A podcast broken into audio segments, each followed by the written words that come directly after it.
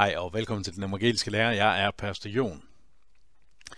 Her i, øh, i sommeren har jeg fået lov til at fordybe mig i nogle tekster i Bibelen. Det synes jeg nu også, jeg gør i løbet af året, men her på en særlig måde øh, har jeg fordybet mig i Galaterbrevet, fordi jeg har skulle undervise på et par bibelcampings øh, ude fra øh, Galaterbrevet. Og her har jeg set på noget af det mest grundlæggende i forhold til evangeliet, som vi får præsenteret i, i, øh, i Bibelen og i Nyt nye og det evangelium, som Paulus på en særlig måde pointerer i, imod Øh, øh, judaisterne, det vil sige øh, nogen, øh, som kommer fra sandsynligvis det farisæiske parti, og som på en eller anden måde lægger hindringer i vejen for det frie evangelium og siger, at øh, for at man skal blive frelst, er det ikke nok at tro, man skal også gøre mere. Og det uh, tordner Paulus imod, også her i Galaterbrevet. Så det har fået lov til at dykke ned i. Galaterbrevet indeholder naturligvis mere end det. Uh, der er også en klar skælden i mellem lov og evangelium, og en undervisning om, hvordan vi skal forstå loven, og hvordan man skal forstå evangeliet. Det kunne vi også godt se på, men, men her i, i den her video ønsker jeg at fokusere på, på det her med troen alene, som er på, øh, på sin. Øh, lov og evangelium fortæller, øh, følger selvfølgelig også rigtig meget, for det er ligesom, øh, hvad skal man sige, forklaring, basis på det her med, med troen alene. Jo, ved hvad, måske skulle vi lige tage øh, et, et lille kig på, på det her med, med lov og evangelium, inden vi dykker ned i den anden tekst fra Galaterbrevet, som jeg egentlig godt kunne tænke mig at være inde omkring, nemlig Galaterbrevet øh, 3, 1-14, men det vender vi tilbage til. Først en lille smule lov og evangelium, dernæst en lille smule om øh, Galaterbrevet øh, som sådan, og så dykker vi ned i Galaterbrevet 3, vers 1-14. Men altså, øh, i forhold til øh, i forhold til det her med, med lov og evangelium, der finder vi øh, en del steder, hvor, hvor Paulus fortæller om, hvad, hvad betyder det, og øh, og han taler om, om øh, øh, hvordan øh, man enten følger loven eller følger, følger evangeliet. Og så forklarer os, hvad, loven, øh, hvad lovens opgave er. Her siger han for eksempel i Galaterbrød kapitel 3, vers 19, øh, hvad skulle så loven? Den blev føjet til for overtrædning, overtrædelsernes skyld. Man skulle, den skulle kun være gyldig indtil det afkom, som havde, øh, som havde fået løftet, var kommet. Altså, loven blev føjet til for overtrædelsernes øh, skyld, for at vise os, at vi er, vi er syndere. Øh, og i modsætning til det har vi løftet øh, som evangeliet. Her bruger Paulus øh, eksemplet med Abrahams to sønner, Isak og Ismael, hvor han siger, at Ismael er et tegn på lovens søn, som, som kommer til ved, at Abraham gør noget særligt. Han går i seng med Hagar, og får en søn ved at gøre noget selv. Anderledes med Isak, han bliver til ved et løfte, ikke fordi at Adam og Sara som sådan gør noget, de er sandsynligvis i tænkt sammen, men det er ikke derfor, de får barn. De får barne, fordi Gud har lovet det, og sådan griber han ind. Sådan med evangeliet, siger Paulus. Evangeliet er et løfte, som ikke baserer sig på, hvad vi gør, men hvad Gud gør, og hvad han lover os. Anderledes med lovens pagt og loven, øh, den er der for at øh, for overtrædelsernes skyld, for at åbenbare øh, øh, overtrædelsernes synden for os. Han siger også her i Galaterbrevet øh, 3 fra vers 23, før troen kom, blev vi bevogtet under loven og spærret inde, indtil troen skulle åbenbares. Så at loven var vores opdrag, indtil Kristus kom, for at vi kunne blive gjort retfærdige af tro. Men efter at troen er kommet, er vi ikke længere under en opdrager. For I er alle Guds børn ved troen i Kristus Jesus. Alle I, der er døbt til Kristus, har jo I klædt jer Kristus. Her kommer det ikke an på at være jøde eller græker, på at være træl eller fri, på at være mand eller kvinde. For I er alle en i Kristus Jesus, og hører I Kristus til, er I også Abrahams efterkommer, afkom, arvinger i kraft af Guds løfte. Kan I se, hvordan han skældner imellem øh, imellem øh, løfte og lov, evangelium og lov. Evangel- øh, loven, det er det, som kommer før evangeliet, siger han. Her skal vi ikke høre det alt for kronologisk, altså at før Jesus komme, der har vi med, med, øh, med loven at gøre, og efter Jesus har vi med evangeliet at gøre. Det er helt tydeligt, for derfor bruger han nemlig Abraham som eksempel. Nej, det handler om, at før, hvad skal man sige, øh, øh, før øh, evangeliet øh, øh, blev del i vores liv, før vi blev døbt til at tilhøre Jesus, før vi begyndte at tro, så var det kun loven, der gjorde sig gældende. Og loven var vores opdrager, som viste os, at vi er syndere, og loven kommer til for overtrædelsernes skyld, for at overbevise os om synd. Hvorfor? For at vise os videre. Den er en tugtemester. Den disciplinerer os. Den straffer os loven. Derfor viser den os, at vi kan ikke klare os selv. Men så er det, at Gud kommer med sit løfte og peger på Jesus. Og når vi er så døbt til Jesus, så er vi iklædt ham, og i troen tager vi i, imod det, og det bliver os til del. Øhm,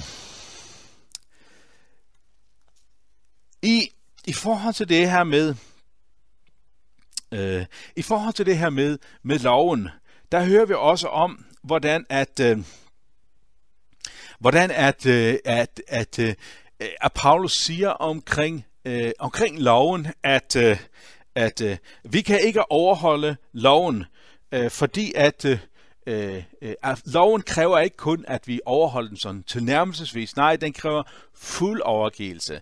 Den, vi skal overholde den til punkt og prikke. Hvis vi bare bryder et af budene, så er vi skyldige over for loven, og så er vi under lovens forbandelse. Lidt det samme siger Jakob også i sit brev, kapitel 2, vers 10, hvor han siger, at hvis vi fejler blot på et punkt, er vi blevet skyldige i den malle. Det handler om, om loven. Men nu er Jesus øh, selv under lovens forbandelse. Han har båret det i stedet for os, og derfor går vi fri. Det her er lov og evangelium. Loven, som afslører os som syndere, ikke loven, som kan frelse os. Det er jo ikke, fordi loven er dårlig, det er, fordi vi er dårlige. Vi kan ikke formå at overholde loven. Men så har vi et løfte. Løfte om, at Gud sender os Jesus, og når vi tror på ham, så er vi frelst. Ikke på grund af os selv, men på grund af ham. Ja, så det var en lille smule omkring det her med lov og evangelium, som på mange måder danner baggrund for, øh, for øh, læren om øh, retfærdiggørelse af tro. Troen alene. Men altså, lidt introduktion til selve Galaterbrevet. Det er tydeligt gennem Galaterbrevet, at hovedtemaet det er Paulus modstand mod judaisterne. Øh, Modstand imod, at de lægger noget til evangeliet, at evangeliet ikke får lov til at stå alene. Øhm, judaisterne kommer sandsynligvis fra samme baggrund som Paulus. Paulus, som var en nidkær jøde, Paulus, som var fariserer, så kan man forestille sig, at de her judaister, det er nogen, som er begyndt at tro på Jesus som Messias, øh, sandsynligvis nogen fra fariserernes parti, eller nogen, som, her i, øh, som er mindet om dem. Og og så nu kommer de og siger, Paulus han har grebet af noget. Paulus har grebet af evangeliet. Han har set, at han har jo været med til at øh, forfølge kirken. Han har fået nogen slået ihjel, som troede på, som troede på Jesus som Messias. Og derfor så, så er det gjort ondt for Paulus, og derfor har han brug for en særlig noget i Gud. Øh, og derfor er det ikke et tegn på, hvad evangeliet egentlig er. Det er et tegn på Paulus' kamp, det her med, med øh, ved, hvem, hvem, øh, hvad evangeliet gør. Derfor så kommer Paulus til at gå for langt i forhold til evangeliet. Han siger, at det handler ikke, øh, han siger, at Paulus siger, at det handler kun om at tro på Jesus, og så gør Jesus alt. Men, siger vi, judaisterne, at de kalder sig ikke judaister, men det er det navn, som vi giver dem senere, øh, så handler det, øh, så er evangeliet mere end det. Evangeliet er, at Jesus kom øh, som Guds søn, som Messias, for at frelse os. Men så skal vi også gøre noget. Vi skal forpligte os på loven. Vi skal vide, at vi virkelig mener det. Vi skal være nidkære. Vi skal binde os til loven ved at lade os omskære, og så sådan konvertere til, til jødedom, for sådan virkelig for alvor at fordele det, som Jesus giver. Øh, Paulus, øh, helt øh, hvad skal man sige, geografisk, så har Paulus rejst rundt i, øh, i, øh, i Mellemøsten og øh, også til dels i Europa, og der har han prædiket evangeliet, og mennesker kommer til tro. Blandt andet har han også været i Galatien. Galatien så var sådan en, en romersk provins, hvor hovedstaden i provinsen er den by, som i dag kalder Ankara. Øh, altså den, som er hovedstaden i Tyrkiet i dag. Der var også hovedstad i den her romerske provins, som hedder Galatien. Her havde Paulus prædiket, og folk var kommet til tro, sandsynligvis mest hedningekristen, det vil sige folk ikke af jødisk, jødisk herkomst, men af, af hedensk herkomst, ikke jødisk herkomst, i modsætning til Paulus, som går fra jødisk herkomst. Og så har han så prædiket ordet for de her jøder, nej, for de her hedninger, og de er kommet til tro på Jesus, og der er opstået nogle kirker. Når Paulus var rejst igen, så er de her judaister fuldt efter ham, fuldt i hans fodspor, og så har de forkyndt et anderledes evangelium end det, som Paulus kom med. De er også peger på Jesus som Messias. De er også peger på, at han kom ind i vores verden, sendt af Gud, men ikke kun som ham, der skulle øh, redde os ved, at vi skulle tro på ham, men også som et eksempel. Vi skal leve efter hans eksempel. Øh, loven er ikke øh, stoppet med at sætte krav til os. Nej, vi skal stadigvæk leve efter lovens krav for virkelig at få del i, i Guds gave. Og så er det, at Paulus skriver det her brev. Det er et af de tidligste Paulus breve. Han skriver det her brev til de galatiske menigheder og siger, Come on, venner! Come on! Det var ikke det, jeg forkyndte, og det var ikke det, som Gud havde sendt mig til at forkynde. De her judaister har ødelagt det for jer. Det er ikke kun fordi, at jeg havde brug for det, at min psykologi gjorde, at jeg forkyndte det på den her måde. Nej, det er fordi, det er det sande evangelium. På samme måde kan man sige med Luther senere. Han og der har den lutherske tro nogle gange bliver anklaget for at øh, have sin øh, råd i Luthers egen psykologi, fordi han kæmpede med de her mindre fornemmelser og, og kæmpede imod en vred Gud, og så når han ligesom, det gik op for ham, hey, Gud er noget, så, så kørte han sådan øh, for fuld drøn på det og, og lukkede af for alt det andet. Sådan er han anklaget ham. På samme måde som judaisterne anklagede Paulus, men det er løgn og bedrag. Det, som Luther pegede på, er ikke et nyt budskab. Det er ikke sådan, at han har skåret noget fra Jesu budskab. Nej, han skal ind til kernen, skal ind til benet. Han viser os, hvad det egentlig handler om. Det evangelium, som Jesus selv kom med, og det evangelium, som Paulus kæmpede for, blandt andet her i Galaterbrevet. Lad os lige læse, læse teksten fra Galaterbrevet kapitel 3, vers 1-14. Egentlig kunne lige så godt have læst hele Galaterbrevet, men vi skal lige begrænse os. Paulus siger sådan her til galaterne. Uforstandige galatere, hvem har forhekset jer? Jesus Kristus er dog blevet aftegnet for øjnene af jer som den korsfæstede. Da det ene vil jeg vide af jer, fik I ånden ved at gøre lovgærninger, eller ved at høre i tro. Er I så uforstandige? I begyndte dog i ånden. Vil I nu ende i kødelighed? Alt sket med jer til ingen nytte, hvis det der virkelig var til ingen nytte. Han, der giver jer ånden og gør undergærninger i blandt jer, gør han det, fordi I gjorde lovgærninger, eller fordi I hørte i tro? Det er som med Abraham. Han troede Gud, og det blev har regnet ham til retfærdighed. Så skal I vide, at det er dem, som har troen, der er Abrahams sønner. Og da skriften forudså, at det er at tro, Gud erklærer folkeslagene retfærdige, fik Abraham på forhånd det evangelium forkyndt. I dig skal alle folkeslagene velsignes. Derfor velsignes dag de, som har troen, sammen med den troende Abraham. For alle de, som har lovgærninger, er under lovens forbandelse. For der står skrevet, forbandet være en hver, som ikke bliver ved alt det, som står skrevet i lovbogen, og følger det. Men at ingen er retfærdig for Gud, ved loven er klart, for den retfærdige skal leve af tro. Loven derimod siger ikke, at det er tro, men den siger, den der, over, den, der holder budene, skal leve ved dem. Kristus er løskøbt. Kristus har løskøbt os fra lovens forbandelse ved selv at blive en forbandelse for vores skyld. Der står jo skrevet, forbandet er en vær, der hænger på et træ. For at velsignelsen til Abraham kunne nå ud til hedningerne i Kristus Jesus, og vi ved troen kunne få ånden, der var lovet os. Se, her slår Paulus det virkelig fast. Loven kan ikke frelse jer. Heller ikke en tilnærmelsesvis nogenlunde overholdelse af loven. Heller ikke bare vi overholder lidt af loven, er den på nogen som helst med, måde med til at frelse os. Det handler ene og alene om løftet og det, som Gud gør. Kun det. Så det er kun ved tro. Okay, men hvad er tro så? Når vi siger, at det er ved troen alene, så bliver troen en betingelse for frelsen. Det er den.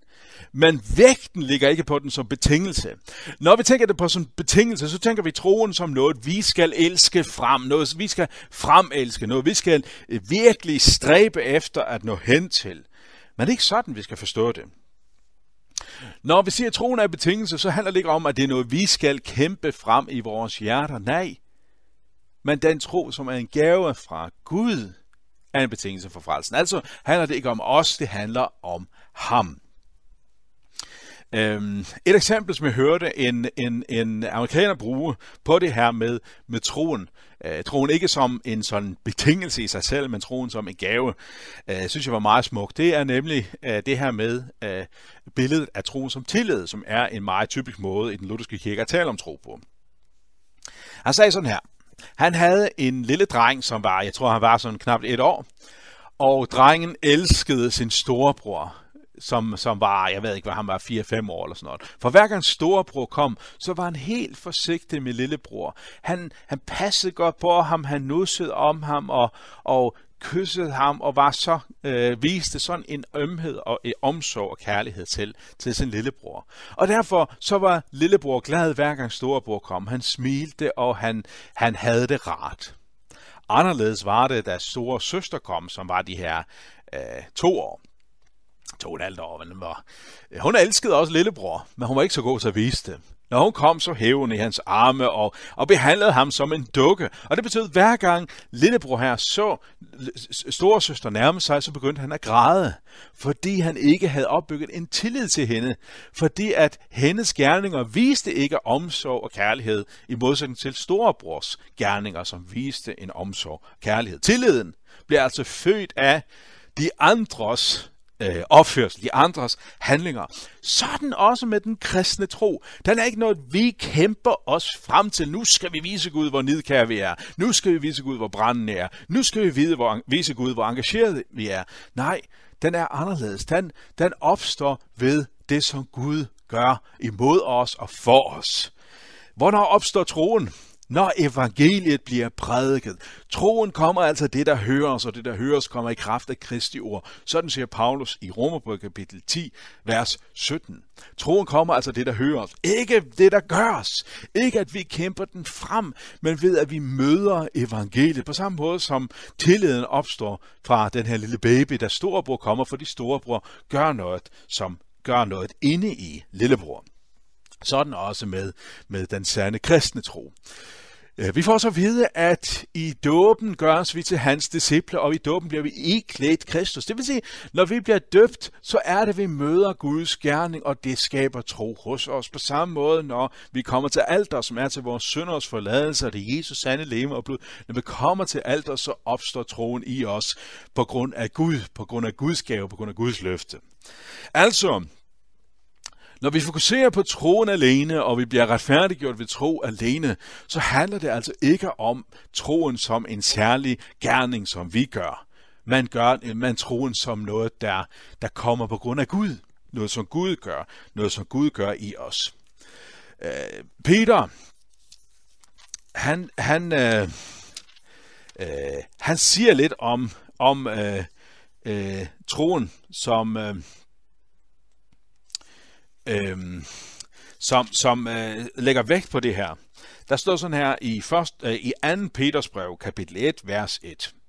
Fra Simon Peter, Jesu Kristi tjener og apostel, til dem, der ved hvor Guds og frelsers Jesu Kristi retfærdighed har fået den samme dyrebare tro som vi. Har fået den samme dyrebare tro. Troen er ikke noget, vi kæmper frem. Troen er en gave fra Gud. Og det er denne gave, det er denne gave, som er troen, der fører frelsen med sig. Altså er troen ikke en gerning. Det er Guds gave til os. Man oplever nogle gange i, i kredse, som anklager barnedøbere for at sige, at det kan ikke lade sig gøre, for et barn ikke kan tro osv. Selvfølgelig kan et barn tro, hvis Gud siger, at det kan tro. Men altså, her ser man også dåben som en gerning. Øh, dåben frelser ikke. Dåben er ikke noget, der skaber troen i os. Nej, dåben er en gerning, som vi gør ved at vise, at vi er nidkære for Gud. Øh, men sådan er det ikke. Dåben er noget, som Gud gør. Gud møder os i dåben. Gud møder os i nadvaren. Gud møder os i syndernes forladelse, som bliver tilsagt os. Gud møder os, når evangeliet bliver forkyndt. Og derfor opstår troen i de her møde, øh, som han, øh, som, som han øh, hvad skal man sige, øh, øh, arrangerer i nådemidlerne. Det vil sige, når Johannes evangeliet kapitel 3, 16, at der står sådan her, som Jesus siger til Nicodemus, for således elskede Gud verden, at han gav sin enbårne søn, for den der, som tror på ham, ikke skal fortabes, men have evigt liv. Øh, så er vægten ikke på, øh, at være den, som tror, som om troen er noget i sig selv. Nej, vægten er på det, som troen vender sig til. Vægten er på, at vi, øh, at vi tror på ham, at vi tror på Guds elskede søn. Når vi altså taler om tro som betingelse, så er det ikke en betingelse forstået på den måde, noget som vi fremelsker, noget som vi gør, men det handler om troens genstand. Øh, for således elskede Gud verden, at han gav sin enborne søn, for at enhver som tror på ham, ikke skal fortabes med have evigt liv. Troen er noget, der skabes i os af Gud, og troen opstår i mødet med evangeliet. Og troen er ikke noget, vi fremelsker. Troen er en gave fra Gud, og ved denne tro modtager vi Guds gave, som er baseret på det løfte, som Gud giver os. Øhm, hvad er det så, vi tror på? For således elsker Gud verden, at gav sin ene på den søn, for den mere, som tror på ham. Hvad vil det sige at tro på ham? Det vil sige at tro på det, som Gud har lovet os om ham, og det vil sige at tro på det, som Jesus gør for os og har gjort for os. Galaterbrev kapitel øh, 4, vers 4-6, det lyder sådan her, når Paulus skal fortælle os helt ganske kort og klart, hvad evangeliet er. Men da tidens fylde kom, sendte Gud sin søn, født af en kvinde, født under loven, for at han skulle løskøbe dem, der var under loven, for at vi skulle få barnekår. Og fordi jer børn har Gud sendt sin søns ånd i vores hjerter, og den råber, Abba, Fader. Se, det her handler om, at vi oprindeligt blev skabte til at være Guds sønner og døtre. Vi blev skabt til at være Guds børn. Øh, Lukas evangeliet øh, slægtstavlen i Lukas evangeliet, den, den, den har noget interessant bemærkning. Vi har to slægtstavler af, øh, af Jesus. Og øh, Lukas evangeliets slægtstavle er ret interessant. Nu skal jeg lige se, om jeg kan finde den. Øh, hvor er det, vi har den henne? Bum, bum, bum. Slægtstavlen er... Det var da utroligt nu. Hvorfor kan jeg ikke finde den nu? Øh, den her. Kapitel 3 i Lukas evangeliet. Øh, den slutter med vers 38, hvor der står sådan her, kapitel 3, øh, øh, vers 38 i Lukas evangeliet. Øh, søn af Enosh, søn af Seth, søn af Adam, søn af Gud. Adam, søn af Gud. Mennesket blev skabt til at være Guds sønner og døtre, men så skete der noget. Synden kom ind i verden, og vi blev fortabte børn. Vi blev børn, som vendte os væk fra Gud. Vi holdt op med at være Guds sønner og døtre, fordi vi gjorde oprør imod Gud. Ikke fordi Gud ønskede det sådan, men fordi vi valgte Satan. Vi valgte at vende os væk fra Gud, sådan som Satan og de andre, nogle af de andre engle havde vendt sig væk fra Gud. Men altså, da tidens fylde kom, så sendte Gud sin fuldkommende, perfekte søn, han som er Gud selv, ind i verden for at blive født under loven. Det vil sige, at han, skulle over, han ville overholde hele loven, og han gjorde det til punkt og prikke. Der fandtes ikke svig i hans mund, i hans tanke, i hans gerning. Han var fuldstændig fuldkommen, og er fuldstændig fuldkommen den dag i dag. Og da han levede, kom ind i vores verden som menneske, der levede han absolut rent og helligt over for loven. Men se, han gjorde det ikke for sig selv. Det var ikke noget problem.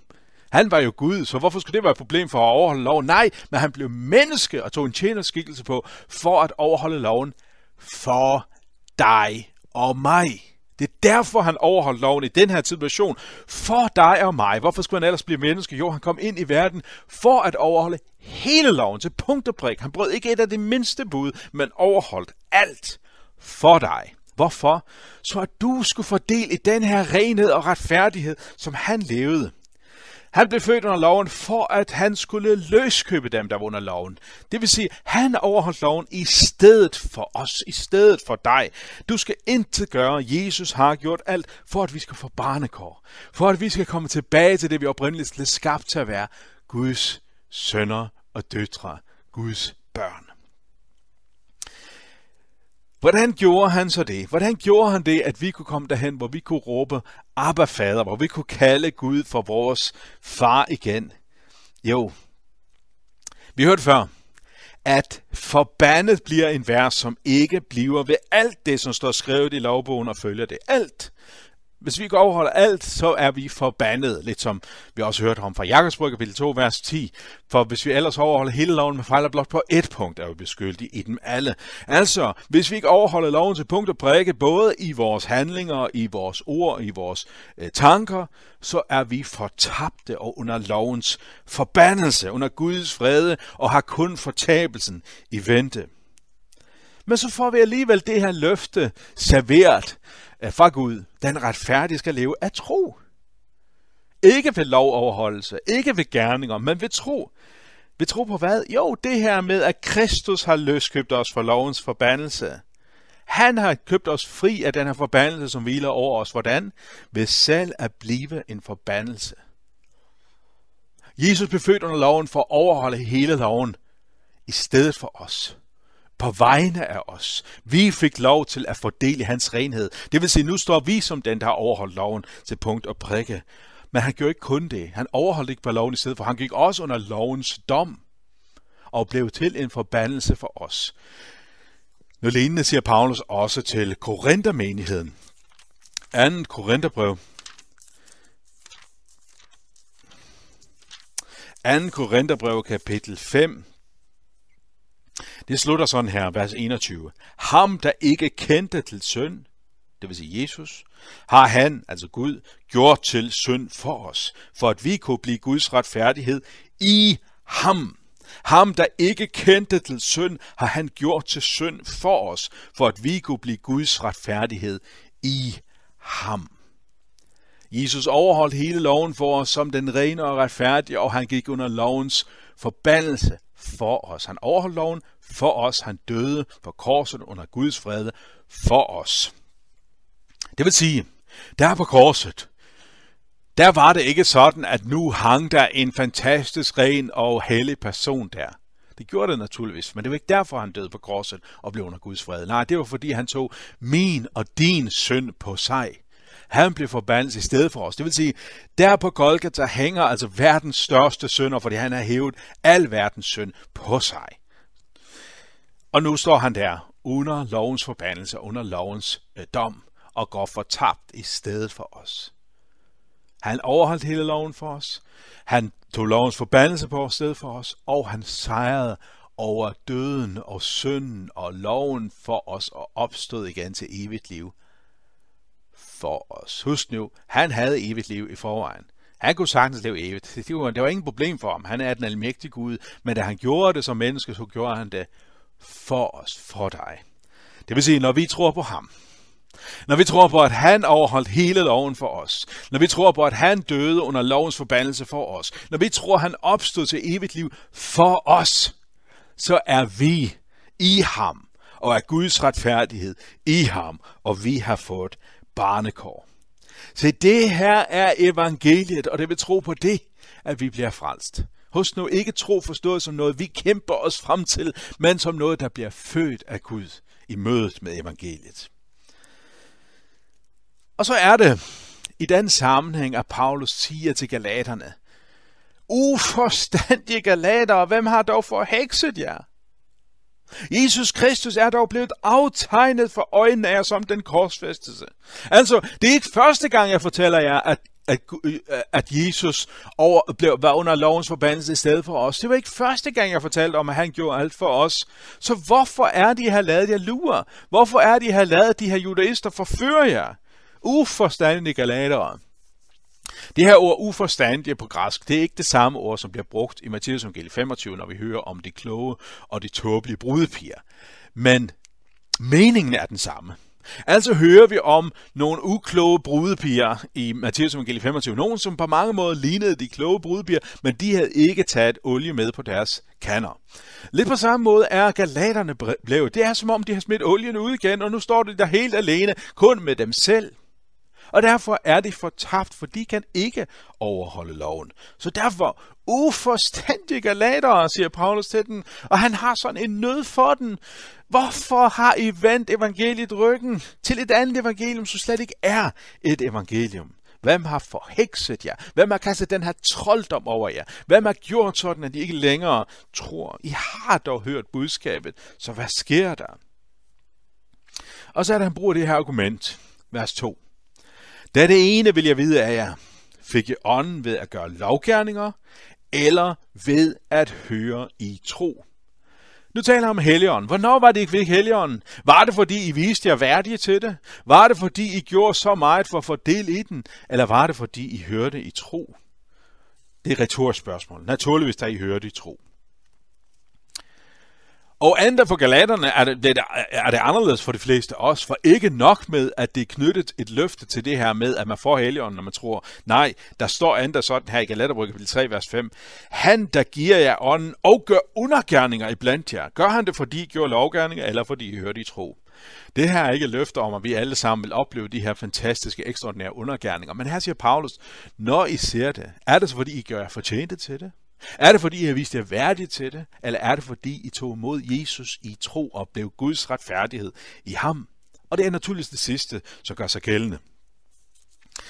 Peter, han siger sådan her, efter at han har afsløret øh, de her jødiske tilhørere pinsedag, som, øh, som værende syndere, som er fuldstændig uden øh, Guds nåde, efter han har holdt en mægtig tale, så står der sådan her, kapitel 2, vers 37 i Apostlenes Gerninger. Da de hørte det, stak det dem i hjertet, og de spurgte Peter og de andre apostle, hvad skal vi gøre, brødre? Peter svarede, omvend jer og lad jer alle døbe i Jesu Kristi navn til jeres synders forladelse, så skal I få Helligånden som gave. Hvornår var det, I fik Helligånden, siger Paulus til Galaterne. Var det ved at gøre lovgærninger, eller ved at høre i tro? Jo, det gjorde I ved at høre i tro. Læs som vi får ved i, som Peter siger det, som vi får, øh, har bevidnet i Apostlenes Gerne kapitel 2, vers 38. Det er, når vi bliver døbt til at tilhøre ham og modtage syndernes forladelse, at vi får Helligånden som gave, når vi tager imod det i tro. Igen et argument fra Paulus side, hvor han siger, loven har ikke betydning for jeres frelse. I kan ikke overholde loven. Det eneste, I har brug for, det er det, som Jesus gør for os. Det, som Jesus gjorde for os. Altså, kan man være sikker på, at man er frelst? Nej, ikke hvis det handler om, hvor nidkær vores tro er. Ikke om, hvis vi har været gode og rare mennesker. Kan man være sikker på, at man er frelst? Ja, hvis man ser på Jesus. Hvis man ser det, som han gjorde for os. Hvis vi ser, at han overholdt loven i stedet for os. Hvis vi ser, at han døde på korset og kom under lovens forbandelse for os. Ja, hvis vi ser, at det var ham, der sejrede over døden og opstod igen, og vi tror på ham, så kan vi være sikre på, at vi er frelst. Og derfor er reformationen så vigtig at, øh, at Luther og de andre reformatorer fører os tilbage til trosretfærdigheden, som har fundet sted op igennem hele kirkens historie, men som paven og pavedømmen søgte at, øh, at holde nede øh, der i løbet af, i løbet af middelalderen. Troen fandtes også i løbet af middelalderen, heldigvis, og tak og lov for det, men den blev altså forplumret, den blev øh, perverteret, den blev korrumperet af øh, nogle af kirkens ledere. Og derfor så blev det sådan her. Kan man være sikker på, at man er frelst? Ja, hvis nu man tror på det, som Jesus har gjort, og hvis man ser en forbedring i ens liv, så kan man være sikker på, at man er frelst, fordi det handler om, hvad Gud har gjort for os, og også hvad han på sin vis gør igen med os, ved at vi gør gode gerninger. Troen er altså, øh, øh, retfærdiggørelsen er altså ikke først og fremmest en forensisk størrelse, det vil sige noget, som bliver erklæret over os, og nu er du fuldstændig ren og retfærdig, fordi du tror på Jesus. Nej, det er noget, som bliver indgødt os, og det forvandler os, og det er ved den her forvandling, at vi kan blive, vi kan blive frelst. Ved det, som Jesus gjorde for os, og ved den forvandling, som sker i os. Men når man gør det, så vender man tilbage til, igen tilbage til loven. Så er det i loven, at vi finder fred, fordi at det handler ikke kun om, hvad Jesus har gjort for os. Judaisterne, de sagde også, at det handler om det, som Jesus har gjort for os, men også det, som vi gør. Og det er den samme vranglære, som opstår i, øh, i katolicismen, når man, når man fokuserer på det på den her måde, som de på en særlig måde gjorde i, i, i, øh, i renaissancen og øh, på reformationstiden, men som de stadigvæk bygger på som deres grundlæggende lære. Øh, på samme måde med nogle af de øh, reformerede kalvinister, som, som siger, hvordan kan man have frelsesvidshed? Jo, ved at se på Jesus og ved at se på os selv, hvor gjorde det er vi blevet. Altså, de siger ikke, at de her gerninger har noget som helst at gøre med, hvorvidt vi bliver frelst eller ej. Det, derhen ad kommer, kommer katolikkerne, men det gør de reformerede øh, ikke. Men, siger de, at vi bliver nødt til at se på en ændring i os, for at være sikre på, at det er den sande tro, vi har. De har ret i, at den sande tro altid frem øh, bringer gode gerninger, men det er stadigvæk ikke ved at se på nogen som helst af de her gerninger, vi kan finde fred med Jesus. Nej, det handler ene og alene om tro på ham. handler ene og alene om tro på ham. Pietisterne sagde også, for at vinde fred med Gud, så skulle vi leve et, et, et fromt liv. Øh, I vækkelsen i 1800-tallet, som var øh, som bragte rigtig meget godt med sig, at meget, mange mennesker kom til tro på Jesus, men de havde den her usunde lære, nogle af dem i hvert fald, hvor de sagde, at for at vi kan være sikre på, at vi er frelst, så skal vi have en særlig omvendelsesoplevelse. Vi skal gøre noget, vi skal sige et ja til Jesus. Men heller ikke det er sandt, for også der er det, at vi lukker loven ind som, som frelsesvej. Nej, det, som vi kan finde fuldstændig fred i, det er ene og alene det, som Jesus har gjort for os, og det, som Jesus gør for os. Det handler ene og alene om ham. Troen er ikke en gerning, som vi fremelsker. Troen er en gave fra Gud. En gave, som opstår i mødet med evangeliet. Og det vil sige, når vi er frelst, så er det på grund af den her tro, som klynger sig til evangeliet. Det, som Jesus gør for os, og det, som Jesus har gjort for os. Med stolthed vil jeg bekende mig til uh, læresætningen troen alene, og at vi bliver retfærdiggjort ved tro alene. Fordi det er det budskab, som Bibelen er fuld af, det er det budskab, som, som Jesus prædiker, og det er det budskab, som Paulus forkynder så klart for os her i Galaterbrevet. Jeg håber, at du fik lyst til at dykke mere ned i, i, i Bibelen og i den bibelske lære, og i hvert fald så ønsker jeg dig al Guds velsignelse og fred. Tak for nu.